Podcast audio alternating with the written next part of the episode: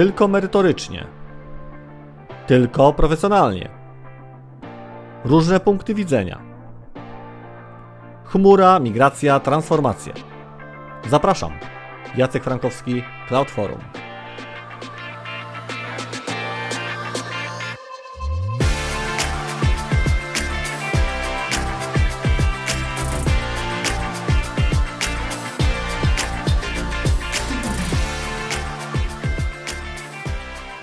Witam wszystkich bardzo serdecznie na kolejnym podcaście Cloud Forum.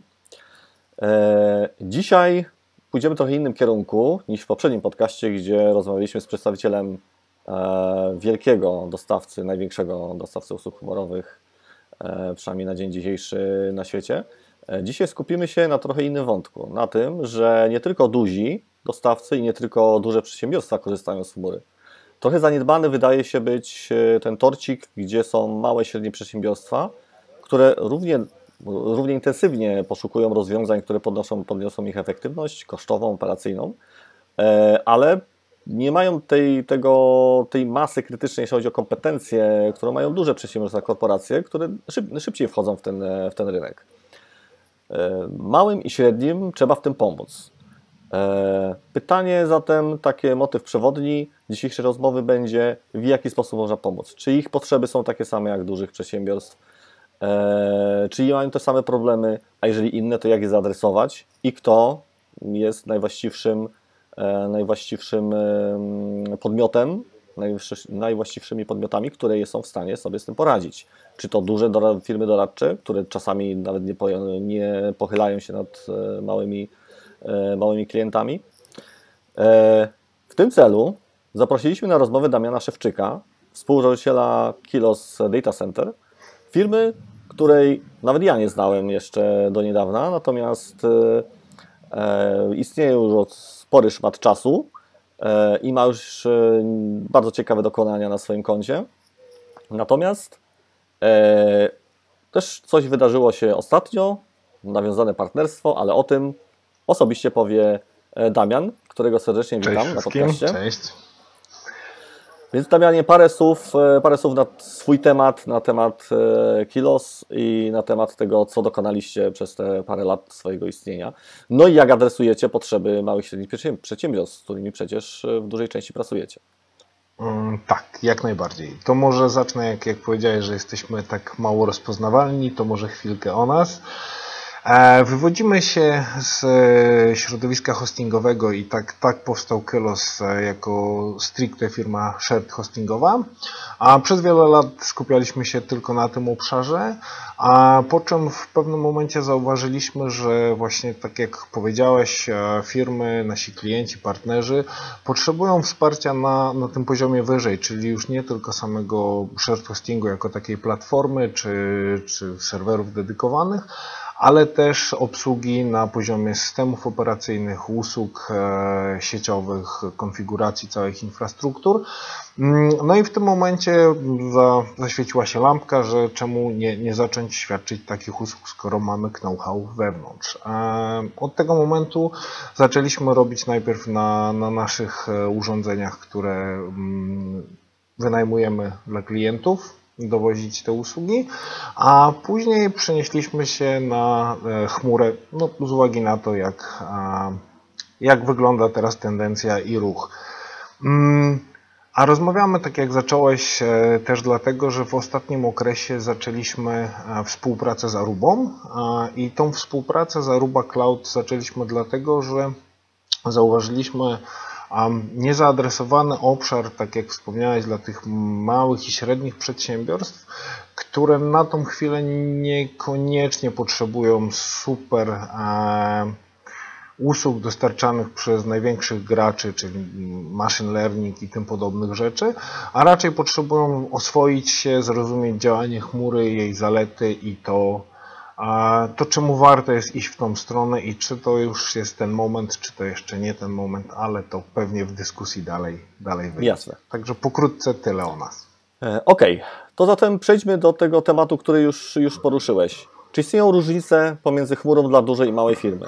Znaczy, różnice pewnie istnieją, ale jak ty to obserwujesz? No bo tak naprawdę duży dostawca może mówiąc kolokwialnie, wjechać do małej firmy i przedstawiać różne scenariusze e, świetnych technologii, najnowszych wynalazków, najnowszych wynalazków, jeśli chodzi o to, jak budować aplikacje w chmurze, rzuci parę, e, parę haseł typu Kubernetes Container Serverless, a tam z tamtej strony powie, jest odpowiedź, ja nie rozumiem o czym mówisz, mhm. ale potrzebuję backup.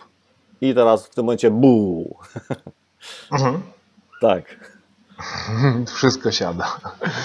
A jasne, a czy ja tak to jest dobre pytanie, mm, jeżeli chodzi o wielkość firmy, natomiast e, ja troszkę postrzegam to z e, innej perspektywy.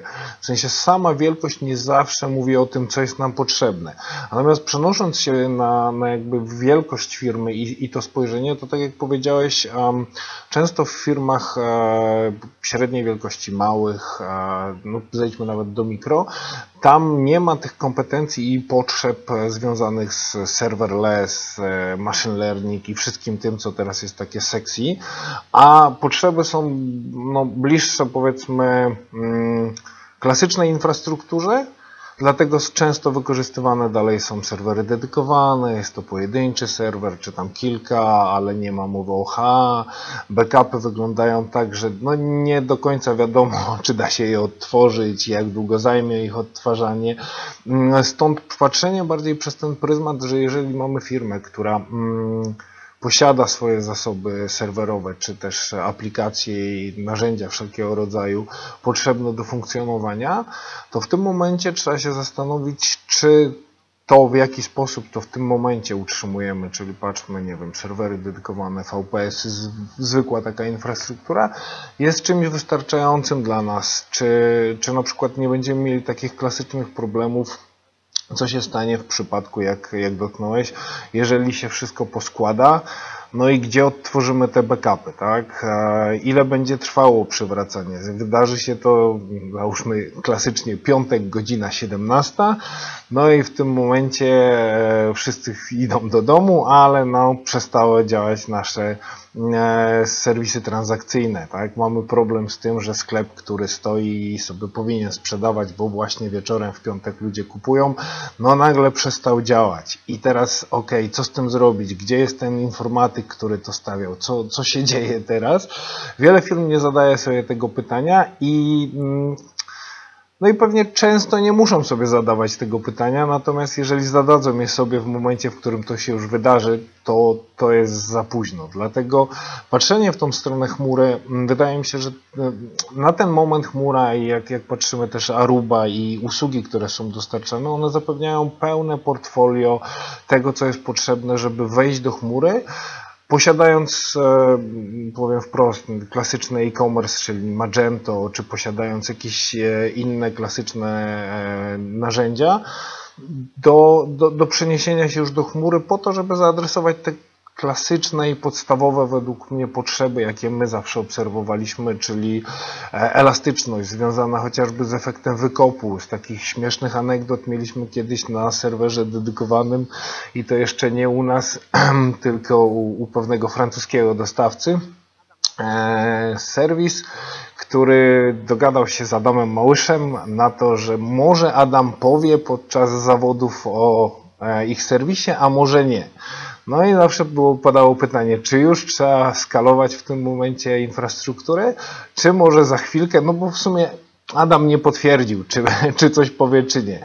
No, z naszego doświadczenia wiemy, że klient nie powiększył infrastruktury, Adam powiedział nazwę tajemniczą, co okazało się, że no, serwer oczywiście nie wytrzymał i położył się, tak? I skalowanie tego, wyłączenie później, mm, jakby tworzenie na szybko backupu, próby odpalenia drugiego serwera. Ojej, no dużo problemów i dużo zmartwień. Stąd e, w momencie, w którym mamy już te narzędzia, te narzędzia nie są, że tak powiem, korporacyjne, czyli nie musimy za nie nie wiadomo ile wydać, żeby, żeby to działało na ten jeden dzień i wieczór, to wcześniejsze przygotowanie, zmigrowanie się do chmury, czy też jeżeli rozpoczynamy zaczęcie tam pracy, zdecydowanie ułatwi życie w przyszłości, tak? Wszelkiego rodzaju obsługę pików, czy to świątecznych, czy to jakichś reklamowych, promocyjnych, mm, e, dostępności z tym związanej, czyli zeskalujemy to, możemy sobie load balansować ruch i rozrzucać po prostu pomiędzy różnymi maszynami, czy też chociażby mówiąc o tej e, niezawodności i, i tym, czy robimy disaster recovery, plan cały, backupy do tego, całą strukturę przygotowaną, no a na wszystko nakłada się ta warstwa, że nie powinniśmy się przejmować używając chmury.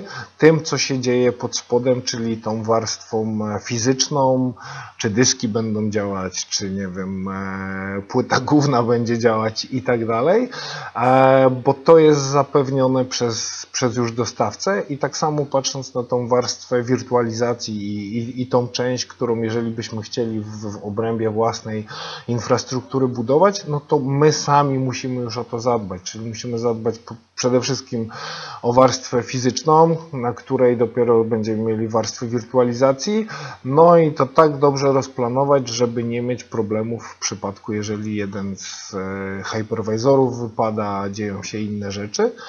Czyli w skrócie to wszystko nam zdejmuje z głowy ta klasyczna chmura, rozumiana jako infrastructure as a service, e, i, I to jest według mnie taka podstawa, od której większość przedsiębiorstw powinna zacząć myślenie o chmurze jako takiej. No bo taktyka przeskoczenia i powiedzenia, że to w tym momencie wychodząc, będę się, uczepię się tego Magento, ale wychodząc od Magento przeskoczymy sobie do serverless, no to jest olbrzymi skok. To, to nie wydaje się być e, jakby mm, słusznym podejściem, jako, jako takim początkiem rozpoczęcia korzystania z tych podstawowych zalet i, i no, możliwości, jakie daje chmura.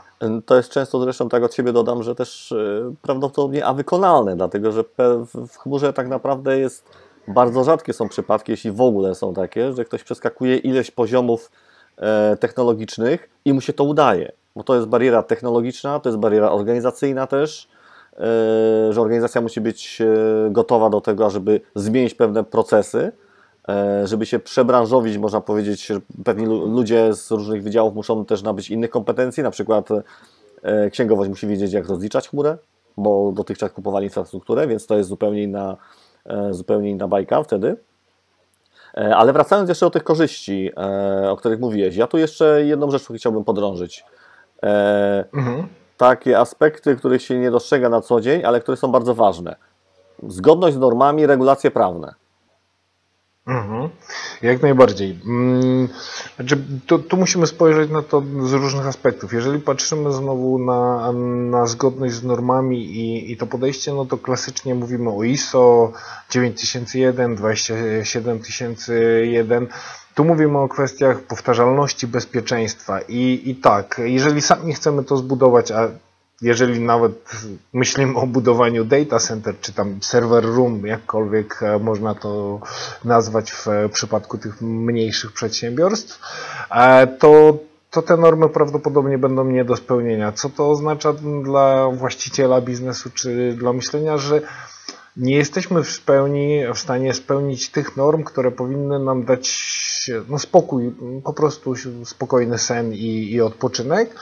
No a na całość nakłada się oczywiście jeszcze warstwa w tym momencie RODO, który, no, które jest bardzo ważne i na, na, co trzeba zwrócić uwagę. Także jeżeli mówimy już o budowaniu samemu versus e, używania dostawców, to, to, są, to są trudne tematy, które trzeba przewidzieć, przemyśleć i zastanowić się, nad tym, czy, czy inwestycja, żeby to opanować, jest naprawdę tego warta, czy nie lepiej skorzystać z e, usług dostawców, którzy, którzy mają to, no już to mają, tak, zapewniają tą część. I tutaj mm, o tyle ciekawe jest, że nasza kooperacja też z Arubą jest, jest związana z tym, że Aruba jest e, no, europejską chmurą, tak? Jeżeli mówimy o RODO, no to w dużej mierze pochylamy się tutaj nad e, Europą, czyli tym gdzie te dane są przechowywane. Oczywiście no, różne są obostrzenia, RODO jest wspólne, natomiast no, wewnętrzne obostrzenia w państwach mogą być jeszcze inne. E, no i tutaj jest ważne, żeby zrozumieć, jak to wygląda. Na terytorium naszego kraju, jakby patrząc, no jest e, jest potrzeba przechowywania tych danych, ale zgodnie z RODO, czyli w państwach e, w Unii Europejskiej plus e, objętych tarczą, które są wymienione w, e, mm, w artykule, i, czy, czy w tarczy samej jako takiej, w porozumieniu, i teraz patrząc na to, no, za, zawsze zastanawiamy się, tak, ci duży gracze i, i, ten problem zastanawiania się, czy przypadkiem moje dane w tym momencie będą w Irlandii, a za chwilę będą, no, nie wiem, w Kalifornii, tak, tak odlećmy, w żaden sposób się jakby nie ma w tym momencie do, do tego, jak to wygląda na rynku, ponieważ no, sama regula, regulatorzy zmusili do, do przejrzystości i do takiego e, przechowywania danych, że ono jest w danej lokalizacji geograficznej, tak? Także tutaj jest te, to, to jest opanowane przez obecnych dostawców chmury i, i z tym nie ma problemu, jakby nie, nie, trzeba się nad tym zastanawiać. To nad czym trzeba się zastanowić, no to czy nie są jakieś dodatkowe regulacje nałożone, nie wiem, na przykład z KNF-u czy z innych instytucji związanych z tym, że jeżeli już wybieramy sobie, e, gdzie ma być dany region, w którym przechowujemy dane, no to czy musi być to Polska, czy może być to Monachium. Z drugiej strony, jeżeli występuje data center w Polsce dostawcy chmurowej i obsługujemy klientów głównie z terytorium Polski, chyba nie ma większych przesłanek, przynajmniej ja nie widzę, żeby, żeby te dane wynosić gdzieś dalej i, i, i trzymać je gdzieś indziej. Taniej też, też raczej nie będzie w Monachium niż w Polsce. No to można by się zdziwić, ale zostawmy to. Zostawmy to na razie z boku. E, jeszcze jedna rzecz jest taka. Ja zawsze postrzegam e, chmurę i to niezależnie od tego, czy mówimy o małych, średnich czy dużych przedsiębiorstwach, jako taki driver innowacji. E, czyli możliwość na przykład szybszego wdrażania prostych usług i sprawdzenia, czy one działają. Czy to jest też jakiś motywator? Czy to się w ogóle w małych, średnich przedsiębiorstwach e, pojawia jako temat wokół chmury?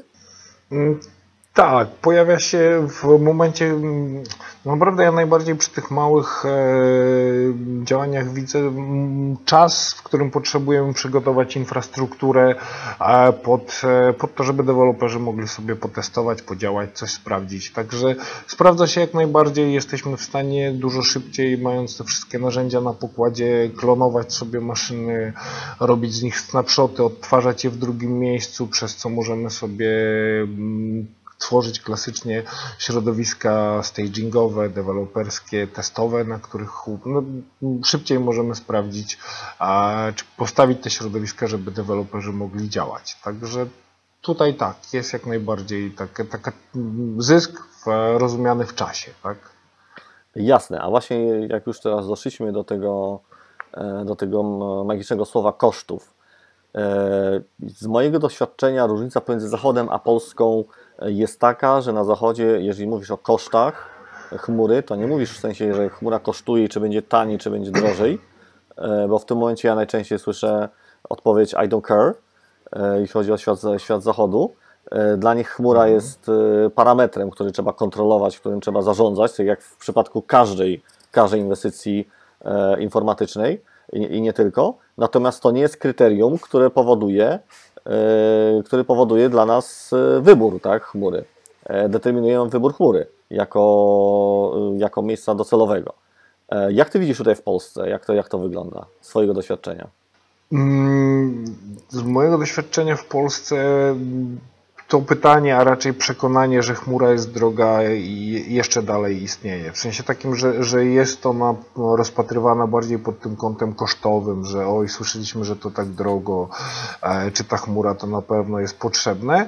E, także tutaj tą różnicę jeszcze dostrzegam e, pomiędzy tym, że tak jak powiedziałeś, to powinno być narzędzie, które powinniśmy sprawdzić, na ile możemy kosztowo do tego podejść, na ile odblokujemy wtedy prędkość na przykład e, dowożenia e, nowych usług na froncie, no ale to się wiąże z, e, tak jak też, też wcześniej ująłeś, z nastawieniem organizacji, na co jest nastawiona. I z tym, na ile mm, bezpieczeństwo i dostępność jest dla nas kluczowa, bo e, możemy założyć, że chmura jest droga. Tak? Przyjmijmy to, chociaż to nie jest prawda, no ale załóżmy, że, że, że tak przyjmujemy i ktoś się tego obawia, no to tutaj jest dobrym argumentem, co, co się dzieje w przypadku, e, w którym nie jesteś w stanie obsłużyć na przykład tego ruchu, czy zeskalować się, tak? Czy, czy ktokolwiek patrzył na tą część i, i sprawdzał, jakie straty przynosi przestój przez, nie wiem, godzinę, dwie godziny, tak, w e, danym okresie przez dzień, czy przez e, jakkolwiek e, liczony ten czas przestojowy, związany z tym, że na przykład nie jesteśmy w stanie się tak szybko zeskalować i nasze serwery muszą albo zostać odciąć część ruchu, odrzucić, albo też, albo też położą się w całości, tak? Także tutaj patrzenie na, na część kosztową jest istotne i na naszym rynku prawdopodobnie zawsze będzie istotne. Znaczy zawsze przesadzam, no ale mówimy tu pewnie o pokoleniowych zmianach niż, niż e, tygodniach czy miesiącach. Natomiast e, nie, nie demonizowałbym i nie patrzyłbym na chmurę jako na koszt, który jest naprawdę większy, bo tak jak powiedziałeś, e, tym kosztem trzeba zarządzić, odpowiednie dobór infrastruktury, skalowanie jej w górę, w dół, wykorzystywanie różnych narzędzi po, po drodze pozwala zmniejszyć e, ten koszt niż jeżeli byśmy tak weszli i użyli sobie trochę techniki lift and shift, czyli weźmy wszystko, co mamy po tej stronie serwerów e, dedykowanych czy, czy innych e, usług, które mamy, no i po prostu przenieśmy to do chmury no to faktycznie wtedy z takiej prostej kalkulacji może wyjść, że jest, e, jest drożej, tak? No tylko pytanie jest wtedy o inne zalety, a często też w momencie, w którym mówimy tu o migracji, a nie starcie od nowa, mm, to co zauważamy, że to jest dobry moment, w którym e, jest robiona inwentaryzacja środowisk i tego, co faktycznie jest nam potrzebne, bo jeżeli firma nie jest młoda, to, to jest to dosyć normalne, że z czasem się nakładają środowiska, o których nikt nie pamiętał. Czasami też pojawiają się te krytyczne środowiska, które nikt nie wie co to jest, bo kiedyś ono zostało postawione, no ale jak się wyłączy, to połowa, później połowa systemów nie działa, bo jednak było ważne. Także mm, to, to też jest taki fajny moment do sprawdzenia tego, co jest istotne, co nie. Tak, jest taki system, e, którego używała tylko pani Helena do ewidencji tak, tak. czegoś tam. E, potem nikt nie zauważył, że pani Helena już jest na emeryturze. E, system nadal wisi, tylko już nikt się do niego nie loguje, nikt nie wie, że w ogóle istnieje. Znaczy jest, mm. istnieje, zabiera zasoby, ale dopiero inwentaryzacja wykazuje, że on jeszcze jest. Jeszcze jedną jeszcze rzecz jeszcze do, tak. chciałbym tutaj do, dodrążyć, jeśli chodzi o, o koszty. Czy to nie jest tak, mhm. że my jesteśmy, jeśli chodzi o infrastrukturę, o o aplikacje i w ogóle o część IT bardzo mocno do, zdotowanym przez Unię krajem i tak naprawdę kosztów realnych jeszcze nie dostrzegamy i dlatego chmura wydaje się droga, bo na przykład wybudowaliśmy e, serwerownię, na którą połowę dała Unia i nam się wydaje, że wszystko inne jest droższe. Eee, wiesz, mm, z mojego doświadczenia teraz ta krzywa chyba się troszkę e, przełamuje. Takie mam wrażenie przynajmniej, e, bo współpracujemy z, oczywiście z firmami, które mają swoją infrastrukturę z e, projektów unijnych. Natomiast przynajmniej w tym momencie, jak ja zauważam, większość tej infrastruktury, ona już jest przeżytkiem, tak?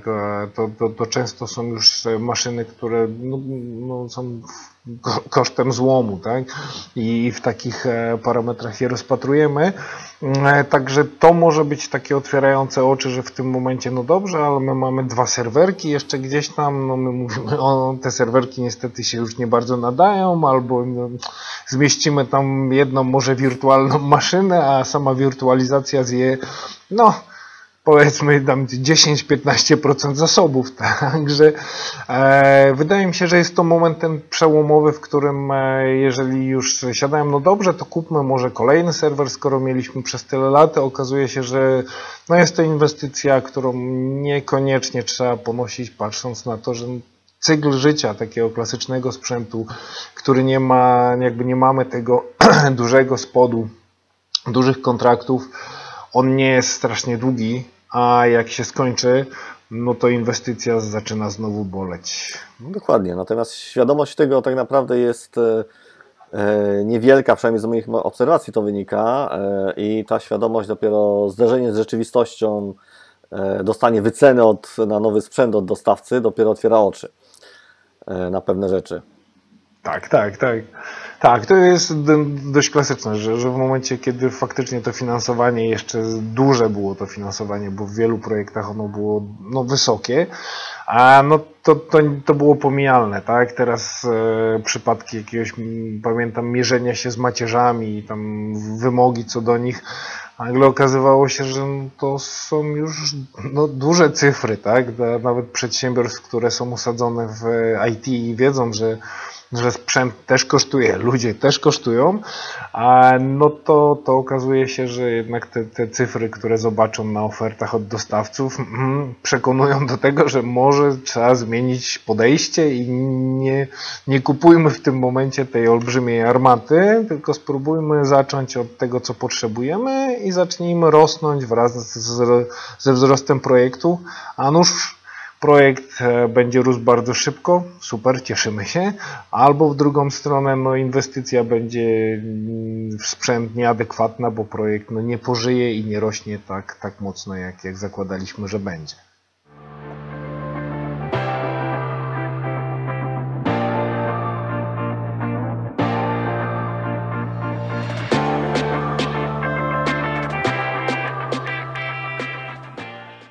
Ok, e, przejdźmy teraz na drugi brzeg e, rzeki zwanej chmurą.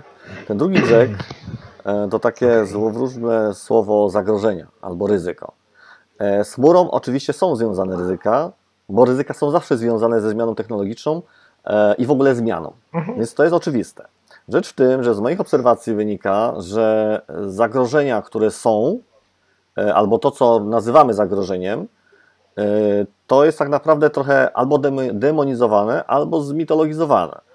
E, I wokół, e, wokół właśnie zagrożeń, problemów, ryzyk e, narosło mnóstwo mitów, narosło mnóstwo nieporozumień, które jak trafiają na podatny grunt, czyli niekoniecznie technicznych, nietechnicznych osób, takich biznesowo nastawionych u klientów, no to potrafią tak naprawdę sparaliżować decyzyjność. I to jest tak naprawdę o ile nakłanianie do zrobienia czegoś, przeniesienia się na nową technologię, której firma nie potrzebuje, jest złe i na końcu się zemści, to teraz e, mamy też drugi biegun, e, czyli niepotrzebne demonizowanie technologii, która tak naprawdę e, realnie case by case mhm. powinna być rozważana, bo to, co jest ryzykiem dla jednej organizacji, niekoniecznie jest dla drugiej.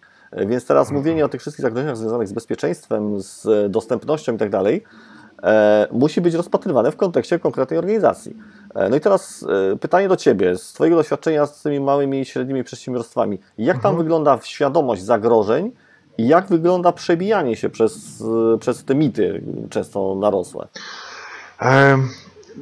To jest bardzo szerokie spektrum. W sensie, z jednej strony, tak jak, jak poruszaliśmy gdzieś mit, który narósł, że to strasznie drogie i no i może 6 lat temu 7 ok, tak? Teraz już nie wydaje się, żeby to było tak strasznie drogie. To jest jeden z tych mitów, ale jeżeli przenosimy się do bezpieczeństwa, no to wszyscy znamy te najgłośniejsze przypadki, tak? S3 przestała działać, połowa internetu przestała działać. Ojejku, nie idźmy do chmury, bo jak przestanie działać, to będzie problem, tak?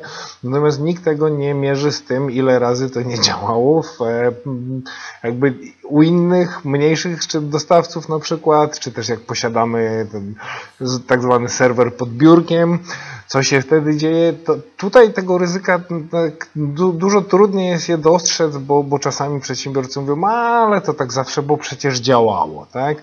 No i odpowiadając na to pytanie, no to, no ale przecież wiemy, że błędy czy, czy luki bezpieczeństwa, jak występują, nie wiem, od systemu operacyjnego czy dostawcy hardware'u, no to prawdopodobnie mając go pod biurkiem czy w chmurze, mamy podobnych dostawców hardware'u, podobnych dostawców e, technologii, narzędzi, aplikacji i tak. Także tutaj ja bym to zrównał do tego, że mamy dużo mniejsze szanse tak szybko zareagować i wyeliminować te błędy, jak ci dostawcy, których clue jest utrzymanie infrastruktury i, i, tej warstwy automatyzującej, wirtualizującej. Oni po prostu muszą szybciej działać. Oni dużo więcej wiedzą, dużo więcej specjalistów mają i są też w stanie dużo lepiej określić, czy ten błąd jest faktycznie, czy ten, ta luka, ten problem jest krytyczny i rzucamy wszystkie ręce na pokład i tak, i to teraz jest e, ten moment, kiedy musimy działać, czy też nie w porównaniu do tego, jak, jak robimy to sami, no i mm, mamy, załóżmy tego administratora biednego, który musi przemyśleć, no i odpowiedzieć, no ale jak ma powiedzieć panu prezesowi, że no w sumie to wypadałoby wyłączyć serwery, bo bo jest pewna podatność, no to tego nie zrobi, tak? No i tutaj jest e, to demonizowanie jest e, dlatego tak duże, mam wrażenie, że bardzo fajnie jest przeczytać i, i, wystraszyć się, jak się czyta takie duże nagłówki, tak? Połowa internetu nie działa, wyciekły dane, Sony zgubiło tam dużo, dużo wpisów, a też jest w chmurze i tym podobne rzeczy. No, no tak, no bo oni zgubili tyle i o tym się mówi, dlatego że są tak duzi. No, ileś tam firm zostało w tym samym czasie zhakowanych i o nich się nie powie, no bo nikt ich nie zna, tak? To, to pod tym kątem bym na to patrzył. Jeżeli znowu e, patrzymy jeszcze, tak zastanawiam się, może masz jakiś przykład takiego mitu, to moglibyśmy go porozkładać na części pierwsze. Okej, okay, vendor. A o, no to, to jest tak, to jest dość ciekawy problem, patrząc od, e, na różnych poziomach, bo tak, jeżeli mówimy o infrastrukturze jako takiej, e, to no, on się zdarzał, natomiast zdarzał się raczej u dostawców e, tej warstwy wirtualizacyjnej, którzy dobrze wiedzieli, co robili w momencie, w którym ją wdrażali i nie chcieli zbyt prosty sposób dopuścić do, do wykonywania tych, e, nazwijmy, no, snapshotów, tak, kopii, które można łatwo przenieść. Znowuż w przypadku mm, tego, co się dzieje, czy, czy jak Aruba i my, gdzie korzystamy z VMware'a, no to tutaj ten vendor locking jest no, praktycznie żaden, no bo jeżeli chcemy korzystać z jakiejś wirtualizacji, no to tą wirtualizację możemy tu odpalić w innym miejscu, w AWS-ie też możemy korzystać i, i teraz jest taki, taki trend, nawet bym powiedział, gdzieś, gdzie e, VMware no, no ma duże tarcie i, i jest tym dostawcą, który faktycznie znosi tą warstwę lockingu. E, natomiast on na pewno będzie istniał, jeżeli już patrzymy w tej warstwie przynajmniej na razie serverlessowej, tak gdzieś wykorzystania to, co zrobimy sobie i orkiestrację, jeżeli zrobimy ją e, gdzieś natywnie wewnątrz u dostawcy i nie jest to, tak jak, jak wspomniałem, VMware, który jest przenaszalny, czyli na przykład zrobimy to za pomocą Lambdy i CloudFormation i innych rzeczy w AWS-ie, no to w tym momencie faktycznie przeniesienie tego do Azure czy, czy w inne miejsce no może nam sprawić trochę problemów. Natomiast no, tak jak rynek nie, nie lubi pustki, tak wiemy, że wtedy pojawiają się firmy, które są chętnie kupowane przez też gigantów i, i innych dostawców, które tworzą narzędzia wspierające migrację między różnymi usługami i tutaj od baz danych e, przez, e, nie wiem, e, obrazy systemów operacyjnych i tak dalej dalej. Także bym zostawił vendor locking i jest i może być problematyczny przez jakiś okres czasu, natomiast nie w odniesieniu już do, do takiej infrastruktury, mówimy tutaj o instancjach czy, czy przenoszeniu samych e, maszyn, tak, tak żebyśmy byli je w stanie odtworzyć. Jak można unikać vendor lockingu? No, no tutaj warto jest z kimś porozmawiać, jeżeli nie, nie mamy takiej wiedzy wewnątrz firmy, a chcemy zacząć robić i tego się obawiamy, jak po prostu zbudować taką infrastrukturę, o jakich dostawców e, zadbać, gdzie, gdzie, w którą stronę patrzeć, żeby sobie nie zrobić tego problemu, e, który, który no, może występować, jeżeli no, nie, nie rozpatrzymy wszystkiego dobrze. E, inną rzeczą jest e, bezpieczeństwo. Oczywiście bezpieczeństwo to jest e, bardzo wielowymiarowy temat, a ja tutaj na jedną rzecz chciałbym zwrócić uwagę. Na niezrozumienie albo złe zrozumienie, że w każdym przypadku za część bezpieczeństwa odpowiadamy my, zawsze. Czyli jest ten współdzielony model odpowiedzialności. E, jak tutaj wygląda w przypadku mhm. klientów? E, bo tutaj ja, ja dostrzegam to jako taki właśnie też owiany, mm, owinięty mitami temat, który też można spotkać różne, różne przedziwne opinie, od takich, że ja nie mam kompetencji, więc ja nie mogę iść do chmury, bo muszę też zadbać o bezpieczeństwo. Po drugie, że ja idę do chmury, bo już, bo do mhm. chmura zapewnia bezpieczeństwo i ja o nie muszę dbać. Więc mamy znowu takie dwa bieguny, nie? I, i tutaj co, co, co jak, jak to postrzegasz? A znaczy, jeżeli mówisz o biegunach, to ja mam wrażenie, że we wszystkich sprawach nam, jako ludziom, jest łatwiej mówić o ekstremach, tak? Także z jednej strony nie pójdziemy, bo, bo brak doświadczenia i wiedzy, z drugiej strony, jak już pójdziemy, to, to wszystko przecież załatwi, przecież to chmura, tak? No i jak, jak ja to postrzegam, e, to jest fajnie przedstawiane, można spokojnie zobaczyć też różnego rodzaju schematy, jak to wygląda. Ta odpowiedzialność w zależności od e, usługi, jakiej używamy też, ona się mm, różni. Natomiast to, co jest e, kluczem i, i w jaki sposób powinniśmy patrzeć, to to, że to, za co odpowiada dostawca, to jest to, co dostarcza nam w usłudze. Czyli jeżeli dostarcza nam infrastrukturę z wirtualizacją i z, na koniec możemy mieć działające serwery, instancje i bazy danych, e, co tam jeszcze, storage jako taki, to on odpowiada, żeby to wszystko działało poprawnie, czyli ta warstwa fizyczna, jego centra danych, e, ta warstwa do zarządzania, narzędzia naokoło tego. To jest odpowiedzialność po stronie dostawcy. Natomiast skonfigurowanie tego, e, później idąc piętro wyżej aplikacje i, i wszystko naokoło tego, co jest po, po stronie już e, klienta, to zostaje dalej w rękach klienta. Tak, e, dlatego też my pojawiliśmy się jako mm, pewnego rodzaju uzupełnienie E, tych, tych potrzeb klienta, bo tak jak powiedziałeś, klient często chciałby, żeby to wszystko działało, natomiast no wiemy, że jeżeli sobie przyjdzie i kupi usługę, no nazwijmy prywatnej chmury, tak nawet, no to trzeba ją skonfigurować. No i wtedy powstaje pytanie, ojej, a kto to zrobi, żeby było bezpiecznie? No i tutaj często, żeby pozbyć się tego ryzyka ze środka z firmy, jest to przerzucane właśnie na, na przykład na nas, tak? No my bierzemy często ten ciężar po prostu na siebie i to my dbamy e, o, o tą część. Tak samo idąc wyżej, jeżeli mówimy o znowu systemach operacyjnych, konfiguracji dostępów i innych rzeczach, to znowu jest po stronie klienta, czyli musi to w jakiś sposób zaadresować. I tak samo przy aplikacji i przy tym, nie wiem, że jako, jako taki przykład bezpieczeństwa, no to RODO jest świetnym jak zawsze.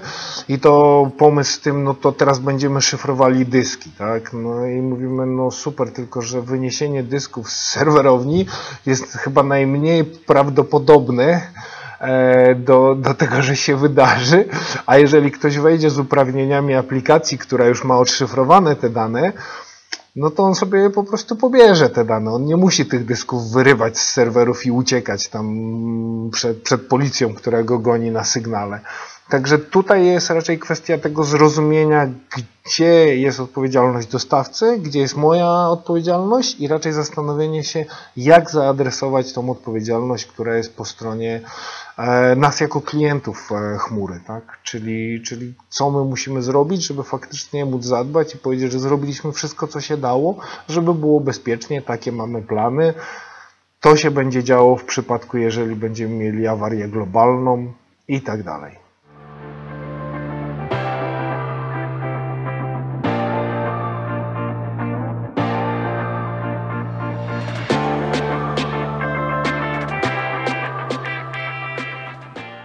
Ok, Damian, przechodzimy teraz na wyższy poziom wtajemniczenia. Wyższy poziom wtajemniczenia jest wtedy, kiedy okay. firma, mały, średni przedsiębiorca już podjął decyzję i już podejmuje działania. E, ten wyższy poziom wtajemniczenia to również inne zagadnienia, które się pojawiają i z którymi trzeba się zmierzyć. E, przede wszystkim, może na początek, zarządzanie usługami w chmurze. E, powierzenie infrastruktury zewnętrznemu partnerowi no to to jest e, trochę yy, czasami może być mhm. bardziej szokujące dla organizacji niż e, powierzenie przez rodzica dziecka przedszkolu, tak? Może być bardziej stresujące i, i większym przeżyciem. Więc jak ty to dostrzegasz, jak widzisz e, obserwujesz małe i średnie przedsiębiorstwa, które przechodzą okay. właśnie do chmury, powierzają tą infrastrukturę, jak e, znaczy jak to, może nie tyle mi chodzi teraz o stan emocjonalny, jak to przeżywają, ale e, to zmienia powoduje zmiany w e, modelu operacyjnym często firmy. Jak one to przechodzą, tak? Czy wy im pomagacie w tym? Czy one tkwią przez jakiś czas w jakimś szoku? Czy są świadome? E, jak to wygląda? No to znowu zacznę różnie. E, tak naprawdę to, to, co powiedziałeś, że często spotykamy się z tym, powiedzmy, wejściowym szokiem, tak, w którym są jakieś oczekiwania, i je trzeba przedyskutować po to, żeby zobaczyć tak naprawdę, co, co jest mm, realne do zrobienia, co nie jest realne. To, co na pewno jest kluczowe, to zrozumienie tych e, potrzeb i tego, co, mm, co klient naprawdę potrzebuje z chmury, tak? Czyli jeżeli rozmawiamy, jaki będzie dla niego szok, no to jest to pytanie, czy będzie dla niego szokiem, że ktoś wewnątrz organizacji po prostu nie wie, jak skonfigurować w tym momencie i jak działają e, te maszyny i to jest szokujące, czy też dla niego szokujące będzie to, że nie wiem, potrzeba się komunikować z kimś na zewnątrz, żeby e, utworzyć dodatkową instancję, że warto jest posłuchać, jeżeli ci z zewnątrz no mówią, że może niekoniecznie w ten sposób spróbujmy użyć innych narzędzi, na przykład zautomatyzujmy to. Jeżeli chodzi o ten szok, to um, ja, ja, postrzegam to trochę w kontekście takim, jak możemy zrobić, żeby zmniejszyć e, problem dla klienta i to, co się stanie w momencie, w którym my skonfigurujemy wszystko i no i on zostaje tak naprawdę bez, bez tej wiedzy. Tutaj przychodzą teraz e, wszelkiego rodzaju narzędzia, i, których używamy po to, żeby przesunąć się w, w stronę i, i trochę podchodzić do, do tematu server as a code, tak? czyli szukamy sobie e, pomysłu, jak, jak wykorzystać chociażby Gita, Terraformy i tym podobne narzędzia, żeby móc e, jakby podczas tworzenia samych środowisk i tego, jak, jak wygląda środowisko, jego konfiguracja sieciowa, konfiguracja systemów i no, no, wszystkich szczegółów była zapisywana w e, formie kodu takiego przenaszalnego, że możemy to sobie po prostu wziąć w formie skryptów i używając danego narzędzia zaimplementować to nie wiem, wewnątrz, jeżeli będziemy mieli takie kompetencje u innego dostawcy usług, czy no chyba tyle opcji, więcej chyba nie ma tak naprawdę, co, co z tym można zrobić. Także to jest jedna z takich um, kluczowych e, elementów, których pokazujemy klientowi, że no dobrze, jeżeli nawet rozstaniemy się, czy, czy masz, masz ten problem, że boisz się i nikt tego teraz w organizacji nie rozumie, to tutaj są a, narzędzia, techniki, technologie, które są przenaszalne i nie ma się co tutaj obawiać, że to, ta wiedza zniknie i co się wydarzy w momencie, w którym nie wiem, nie będzie no, będzie kataklizm, korona numer dwa, czy cokolwiek takiego i wy przestaniecie pracować, czy coś w tym stylu. Także e, to jest jedno. To, co na pewno mm, wymaga też zmiany w zależności od organizacji i jej wielkości, to myślenie o tym, jak e, takie zasoby na zewnątrz mogą komunikować się i współpracować z e, wewnętrznymi działami deweloperskimi, tak? Bo jeżeli taki, taki przykład życia, jaki ostatnio mieliśmy, przejęliśmy utrzymanie mm, dla, od, od pewnego klienta, a oczywiście zapewniając mu 365, czy, czyli obsługę w e, całym roku, tak, dostępność całą dobę, ekspertów z różnych technologii. A u niego problemem było dalej to, że oni mieli kiedyś takiego administratora, który tam siedział sobie obok tych deweloperów. No jak oni czegoś potrzebowali, no to do niego się zgłaszali i on to robił, tak? Więc to, to, to bywa problematyczne, natomiast to nie jest niemożliwe do ułożenia. Po prostu jest to zmiana charakterystyki czasami, czasami po prostu e, ustalenia tego, w jaki sposób powinna przebiegać komunikacja, tak żeby te działy deweloperskie dalej czuły, że, że mają to połączenie, że, że, że z kimś rozmawiają, ktoś jest po drugiej stronie, kto o nich dba i, i zareaguje.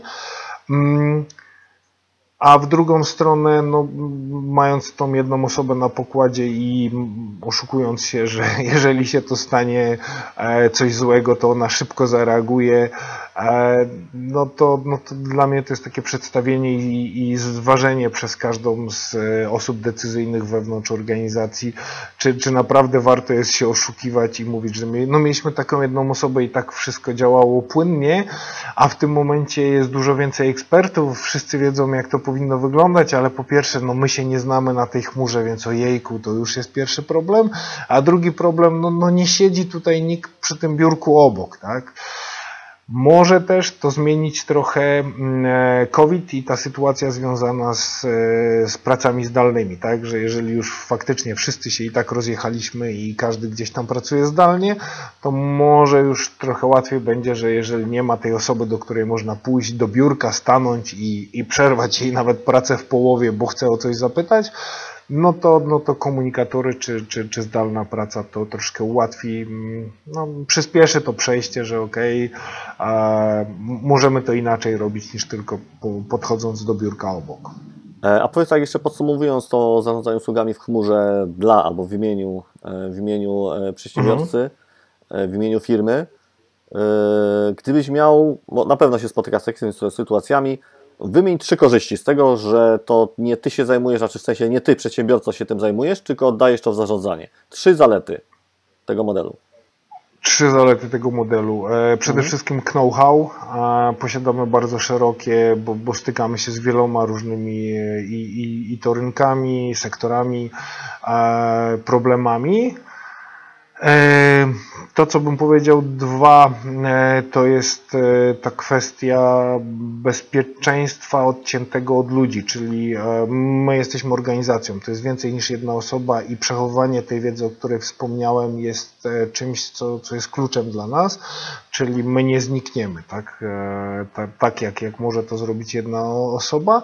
My, a jakby powiązany z tym trzeci też bym dotknął, to jest to, że no my jesteśmy dostępni w, przez cały rok, tak? Co by się nie działo, czy będą to święta, czy nie będą to święta, my będziemy. No i nie jest to też żaden problem, e, jak powiem, kodeksu pracy, czy, czy innych. To, to jest po prostu umowa, także tutaj się tym nie trzeba e, martwić. Myślę, że nie wiem, czy tej kolejności, jakbym się dłużej nad tym zastanawiał, bym Ci powiedział, ale, ale myślę, że są to, to kluczowe gdzieś aspekty, które trzeba wziąć pod uwagę. E, klienci chcą też e, mieć pewność, e, wiedzieć, gdzie są ich dane przechowywane, gdzie ich aplikacje są uruchamiane, jak to miejsce na przykład wygląda. Powiedz mi, jak tu w tym przypadku taki audyt, czy spotkałeś się z takimi przypadkami, że konieczny był, ja to nazywam audytem, ale oczywiście to nie zawsze jest jakiś formalny mhm. audyt, Audyt bywa tak, jeżeli mówimy o jakimś przedsiębiorstwie, które ma nawet prawne wymagania co do tego, że dane muszą być w jakimś konkretnym miejscu. E, natomiast e, bardzo często przedsiębiorca, nawet mały, chce wiedzieć, zaudytować, dokonać inspekcji, poznać tych ludzi, którzy tym będą zajmować. Jak to wygląda? Jak to, e, jak osobie nietechnicznej, menadżerowie, menadżerowie, szefowi firmy pokazać i wytłumaczyć, że to jest dobry model. -hmm. No tu, tu też e, o tyle mm, fajnie, że dotknąłeś tego poznać, że, że czasem jednak to poznanie jest kluczowe. E, dwa tygodnie temu mieliśmy właśnie gościa e, u nas tu mm, w firmie, dlatego że no, to, to jest prezes spółki i on mm, delegując do nas te zadania właśnie bardzo chciał zobaczyć te twarze, tak? czyli to, to co powiedziałeś, ten element ludzki, czyli kto za tym jest, no żeby przekonać się, że po prostu ktoś za tym jest, a nie, nie, nie jest to gdzieś nie wiadomo gdzie, skoro wszystko jest zdalnie robione. Także ten element jeszcze dalej występuje, że, że, że ten, ten, ten kontakt, to spotkanie jest, jest potrzebne, żeby uwierzyć, więc to jest jeden z elementów, który no, no, jakby załatwia, trochę daje to, no, to poczucie bezpieczeństwa chyba, zwiększa, że, że faktycznie są to ludzie. No można ich polubić lub nie, ale to jest trochę inny aspekt. E, i, I teraz e, takie pytanie, jak zweryfikować to, czy działa e, dostawca dobrze, czy nie? Jest skomplikowanym pytaniem, bo ja bym wrócił od razu z tym, a co było celem tego wydelegowania? Jeżeli celem było zapewnienie, nie wiem, wsparcia w e, całym spektrum przez e, cały rok, no to po prostu można spróbować, e, co się wydarzy w niedzielę w nocy na przykład, tak? I jak, jaki jest kontakt, jak, jak działa wtedy nasz dostawca jako jeden z testów. Jeżeli mówimy na przykład o infrastrukturze wysoko dostępnej, bo chcemy być pewni, że jeżeli, nie wiem, część infrastruktury wysiądzie, to, to druga część będzie obsługiwała, załóżmy, transakcje, no to po prostu przeprowadzenie nawet syntetycznego testu na zasadzie wyłączenia części serwerów i e, sprawdzenia, czy drugie działają. Ja wiem, że dla osoby nietechnicznej no to będzie ok, mogą mnie w jakiś sposób oszukać, natomiast e, no, to jest też proste do wytłumaczenia lub jeżeli jest osoba techniczna wewnątrz organizacji, no to, no to, no to, to, to jakby, ja bym powiedzieć, że większość osób technicznych będzie w stanie zweryfikować, czy to faktycznie zadziałało, czy nie zadziałało tak? Więc ja bym się tutaj troszkę przeniósł do tego, jakie, jakie były oczekiwania i cele tej współpracy. No oczywiście, jeżeli celem na przykład było ograniczenie kosztów, no to no to finanse nam powiedzą, czy, czy faktycznie ten dostawca to, co obiecał, zrobił, czy nie, tak? I tutaj rosną, rosną nam koszty, a ilości infrastruktury na przykład nie zwiększa się, tak? Czy, czy raczej klasycznie w drugą stronę miało być taniej, a wychodzi drożej, no tak, ale jak zaczynaliśmy współpracę, to było 20 środowisk, a w tym momencie jest 45, więc trudno, żeby było mniejszy koszt za infrastrukturę w momencie, w którym mamy dwa razy tyle środowisk. No ale takie, takie mm, jak bym to nazwał, e, punkty sprawdzenia Odbywają się, często są to, jeżeli mówimy o osobach nietechnicznych i tym biznesowych, to się odbywają raczej przez pryzmat pieniędzy niż tego e, kontekstu, e, czy, czy oni na pewno to działa, czy nie wiem, ta infrastruktura mogła być lepiej zrobiona, czy będzie dostępna i, i tak dalej, tak? Także rzeczy. I to, co na pewno jest e, takim jeszcze sprawdzeniem, ale to już nie jest sprawdzenie syntetyczne, tylko w realiach, no to czy faktycznie jak się pojawiają nasze potrzeby, czy to ze skalowaniem związane z dostępnością i z innymi, czy to faktycznie działa, tak, czy, czy nie. Oczywiście no tutaj na obronę wszystkich dostawców, no mogę powiedzieć, że Cloudflare'owi też się zdarzają pomyłki i, i no i tak, no jesteśmy tylko ludźmi, więc jak to ładnie gdzieś ktoś powiedział, że mm, będziemy tak dobrzy jak narzędzia, z których korzystamy. Jeżeli one nam pozwolą się mylić, no to pomyłki będą. No, także... e, powiedz mi, jak wygląda proces wyboru usług chmurowych dla konkretnego przedsiębiorstwa, e, konkretnego przedsiębiorstwa, konkretnej organizacji, w zależności od jego wielkości? Czy te potrzeby dla mniejszej firmy, a większej są różne? I czy przede wszystkim, co mnie interesowało, czy planując, hmm. planując taką e, migrację, mm, przeniesienie usług do chmury, usług IT do chmury dla danego przedsiębiorcy, czy patrzycie, rozmawiacie z nim, dyskutujecie z nim przyszłościowo, czyli co będzie, gdzie chcą być za 3-5 lat, E, bo to może mieć dosyć istotny wpływ na to, na wybory, które będziecie, których będziecie dokonywać. Mhm.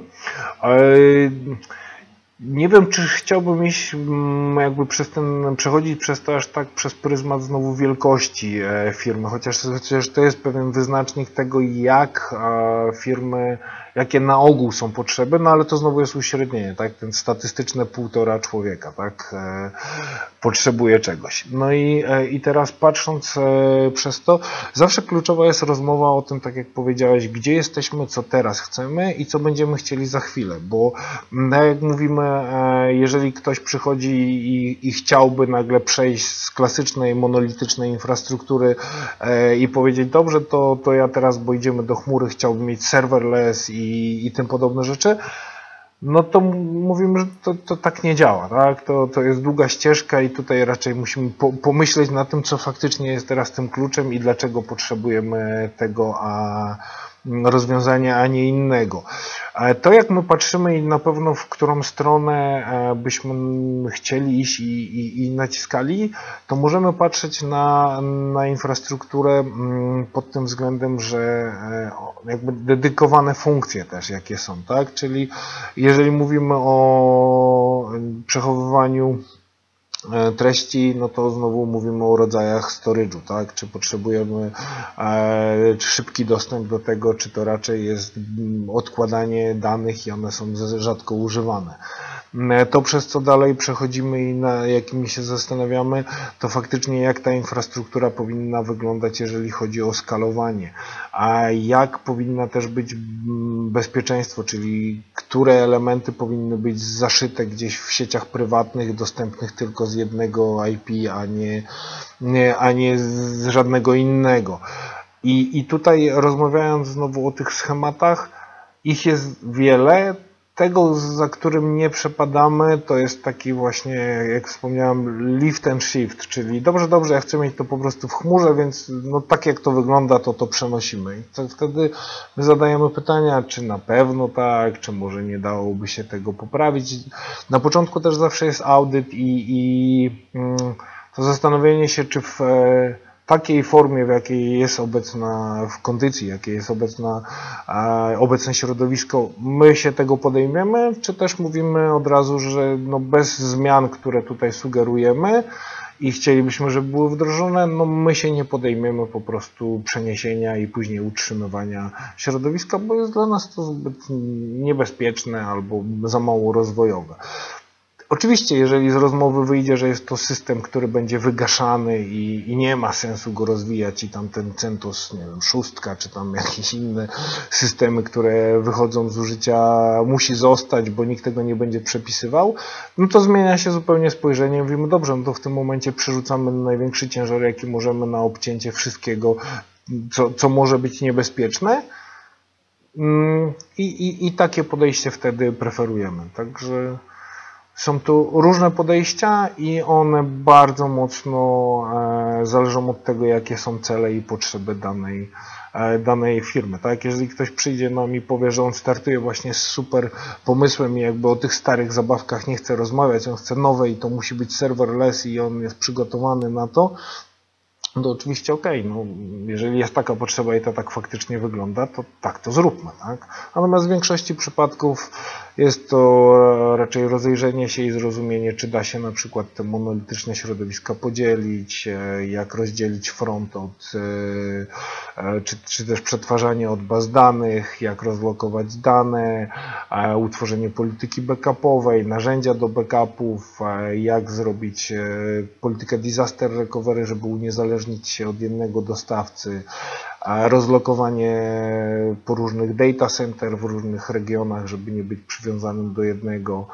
Mm, przy małych firmach raczej nie spotkałem się z nikim, kto by podniósł, e, że chciałby mieć e, dwóch różnych, dwie różne niezależne od siebie instytucje, po to, że jeżeli jedna wpadnie w tarapaty, nazwijmy finansowe, czy, czy nie wiem, polityczne, no to będą w stanie utrzymać dostępność w innej. No, przy, przy małych średnich przedsiębiorstwach to, to raczej nie występuje tutaj. To, to, to, jest, to są zmartwienia mm, e, korporacji raczej niż, niż, niż tych średnich czy mniejszych podmiotów. Spinając e, klamrą wszystkie te aspekty i zalety chmury, i e, zagrożenia, które nie zawsze są zagrożeniami, mhm. E, jak również wszystkie aspekty takie operacyjne, kiedy już do chmury chcemy przejść, pojawia się jedno podstawowe pytanie. Kiedy, czy jest coś takiego jak dobry moment, żeby przejść do chmury? I nie mówię tutaj, bo tutaj na pewno trzeba rozróżnić. Mamy nową firmę, albo mamy na przykład jakiegoś spin-offa z firmy e, jakiejś tam już istniejącej, e, który wszystko może zbudować od zera. No to jest idealna mhm. sytuacja, po prostu żyć i umierać w takich projektach, tylko pracować. Jesteśmy cloud native z definicji i nikt nas nie ogranicza.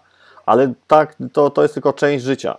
Tak naprawdę klucz życia to są firmy, które istnieją ileś tam lat i w jakichś branżach pracują. One muszą stale konkurować i dla nich przyjść z jakąkolwiek zmianą, to zawsze jest zły moment. Tak, nie ma dobrego, zmian, dobrego momentu na, na zmianę, ale jednak coś, e, w jaki sposób trzeba ten przekaz jednak adresować, tak? Bo my chcielibyśmy do chmury, ale to nie jest dobry moment. No to dobrze, to trzeba im wytłumaczyć, że nie będzie nigdy czegoś takiego jak dobry moment. Tak? Mm, ale wiesz co, to no bo dotknąłeś takiego obszaru troszkę, e, jakbym powiedział, no, miękkiego czy filozoficznego wręcz, że no, na, na ogół ten najlepszy moment, czy ten idealny dzień na, na piknik, no on nie nadchodzi, tak? Jak, jakby jak chcemy iść na piknik, no to chodźmy. To, to jakby to jest jeden z momentów, który, w którym trzeba to zrobić. I wiadomo, no zacznie padać, no to no nic, no zwiniemy zabawki i poczekamy jak przestanie padać, tak? Natomiast e, jakbym miał powiedzieć, kiedy jest ten moment, to ten moment jest teraz. E, Jedno, co mogłoby spowodować, e, że, że, że, to nie jest teraz, to tak jak powiedziałeś, e, czy połączenie tych wszystkich czynników wcześniejszych, czyli nie wiem, mamy jeszcze sprzęt, który został sfinansowany i on sobie stoi i jeszcze, jeszcze chwilkę będzie działał, Mamy systemy, które idą do wygaszenia i będziemy zaczynali, bo już mamy w projekcie pisanie wszystkiego od nowa, te, te spin-off, czy, czy takie podejście. No dobrze, no to, to w takim razie może poczekajmy, ale jeżeli jest to takie klasyczne, operacyjne działanie, działa, bo zawsze działało i, i, chcemy, więc to nie jest dobry moment, bo, bo nie wiem, bo COVID właśnie, bo tam sprzedaż duża, mała, czy ktoś odszedł kluczowy z firmy, czy nie wiem, jakiekolwiek inne problemy, które są normalnymi problemami codziennymi, mm, to, to, to jest wymówka. No, bo po prostu to jest wymówka przed tym, żeby usiąść i zmierzyć się z wyzwaniem. E, a czemu teraz się zmierzyć z wyzwaniem? No bo chmura nie jest z nami od wczoraj, tak? E, jest to już wiele lat, to są stabilnie działające systemy, to, to jest e, nauka na błędach już i chorobach dziecięcych minęła. Teraz jest już dojrzałość i e, niewykorzystanie tego momentu będzie tylko mm, jakby może wpłynąć negatywnie. Nie zawsze musi, ale może wpłynąć negatywnie, jeżeli no, wprost nasza konkurencja działa już, nie ma takich problemów jak my i tu znowu wrócę dostępność, wydajność, skalowanie i tym podobne rzeczy, no to, to, to po prostu może nas e, mocno uderzyć za, za jakiś czas. Także to jest dobry moment na przenosiny. Jest x dostawców, od tak jak Aruba europejskich, przez globalnych graczy, do których można mieć zaufanie lub nie. E, jest opinia KNF-u, wiemy jak to też rozgrywać. Jest RODO, które to e, unormowało, więc Europa też już pokazała, jak chce to robić. E, no ja myślę, że tutaj nie, nie ma co, co się zastanawiać nad tym, czy to jest ten moment, tylko jak to zrobić i jakie są w takim razie nasze oczekiwania po przenosinach czy, czy, czy po starcie w nowym miejscu. E, świetnie to podsumowałeś, e, bo po pierwsze, taka konkluzja. Najlepszy moment na na transformację chmurową jest right now. Po prostu teraz. Lepszego nie będzie. E, druga rzecz, e, nie należy się w tej chwili zastanawiać nad tym, czy, tylko jak. E, także bynajmniej i ty masz zapewne wrażenie takie i ja tematu nie wyczerpaliśmy. Zdecydowanie potrzebują no. kontynuacji, ale potrzebuje też dawkowania.